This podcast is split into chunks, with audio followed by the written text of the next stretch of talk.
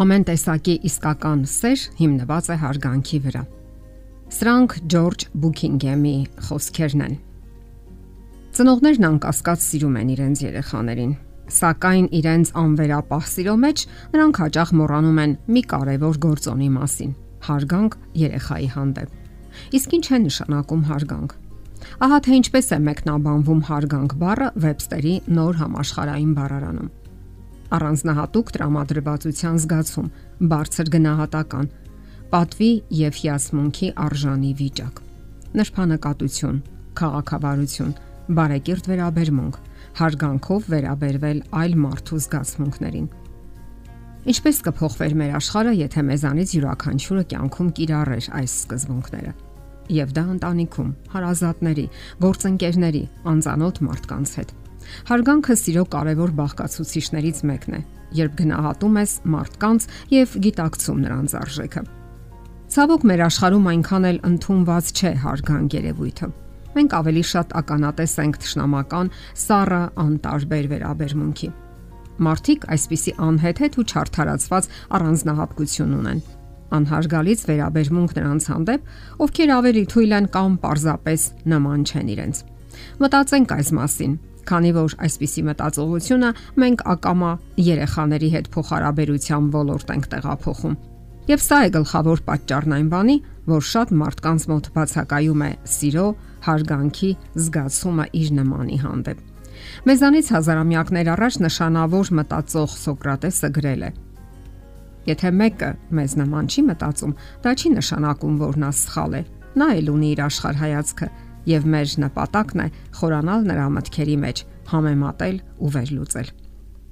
Աստված է པարս եւ խիստ հասկանալի, մնում է ամենադժվարը։ Կիրառել այն կյանքում։ Կիրառել ընդունելով յուրաքանչյուր մարդու արժանապատվությունը եւ մեզ նման լինելու հավասարությունը։ Սա նշանակում է չվիրավորել դիմացինին որևէ ձևով։ Նշանավոր կատագերգու Չապլինը իր դստերն ուղված նամակում գրում է. Եվ հիշիր, Չարլիի ընտանիքում չի եղել այնքան անտաշ մեկը, որ հայհոյի կառապանին կամ ծաղրի սենայի ափին նստած աղքատին։ Հարգել մարդուն նշանակում է ընդունել սեփական եզակիության նրա իրավունքները։ Իսկ յուրաքանչյուր մարդ ազատություն ունի իր եզակի մտածողության որոշումներ ընդունելու համապատասխան իր տարիքին եւ աշխարհայացքին։ Բռնությունն ու ձեռնացությունը, շահագործումը չեն կարող տեղ ունենալ հարգանքի վրա հիմնված հարաբերություններում։ Հանրահայտ ասացվածք է, որ յուրաքանչյուր մարդու մեջ դուք գտնում եք միայն այն, ինչ որոնում եք։ Եթե դուք մարդկանց սխալական կամ մեղավոր եք համարում, ապա ուշադրություն կդարձնեք հենց այդ որակներին։ Իսկ եթե դուք համարում եք, որ մարդն ունի բազմաթիվ դրական որակներ, ապա դա կնպաստի ձեր հարաբերությունների բարելավմանը։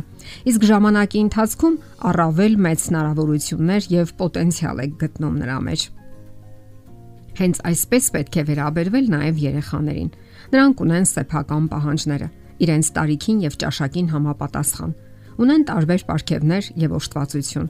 Իսկ մենք հաճախ վիրավորում ենք, նեղացնում եւ հուսախապ հանում նրանց մեր ոչ բարեհոգի անհարգալից վերաբերմունքով։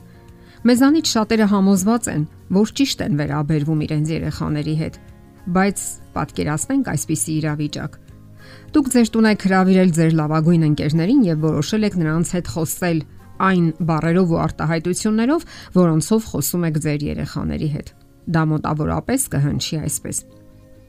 Ահա վերջապես եկար համարյա ճիշտ ժամանակին։ Այդ ուր է իշ կորել։ Կոշիկները տայս կողմդիր ամբողջովին ցեխի մեջ են։ Հա չմոռանաս դուռը փակել։ Դու հո ախորում չես ծնվել։